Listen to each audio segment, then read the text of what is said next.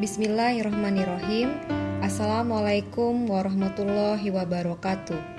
Marhaban ya Ramadan, warga masyarakat Kabupaten Oku Timur yang saya banggakan, pendengar radio BKM FM di mana saja berada. Waktu begitu cepat berlalu. Tidak terasa kita telah berada di bulan yang suci dan mulia di bulan Ramadan 1443 Hijriah. Terkait dengan itu, saya Dr. Sela Noberta SPA MKes, Ketua TPPKK Kabupaten Oku Timur mengucapkan selamat menunaikan ibadah puasa dan ibadah-ibadah lainnya. Semoga kita selalu diberi kesehatan, kekuatan, serta kesabaran dalam menjalankannya dan kita tetap pada protokol kesehatan. Demikian, wassalamualaikum warahmatullahi wabarakatuh.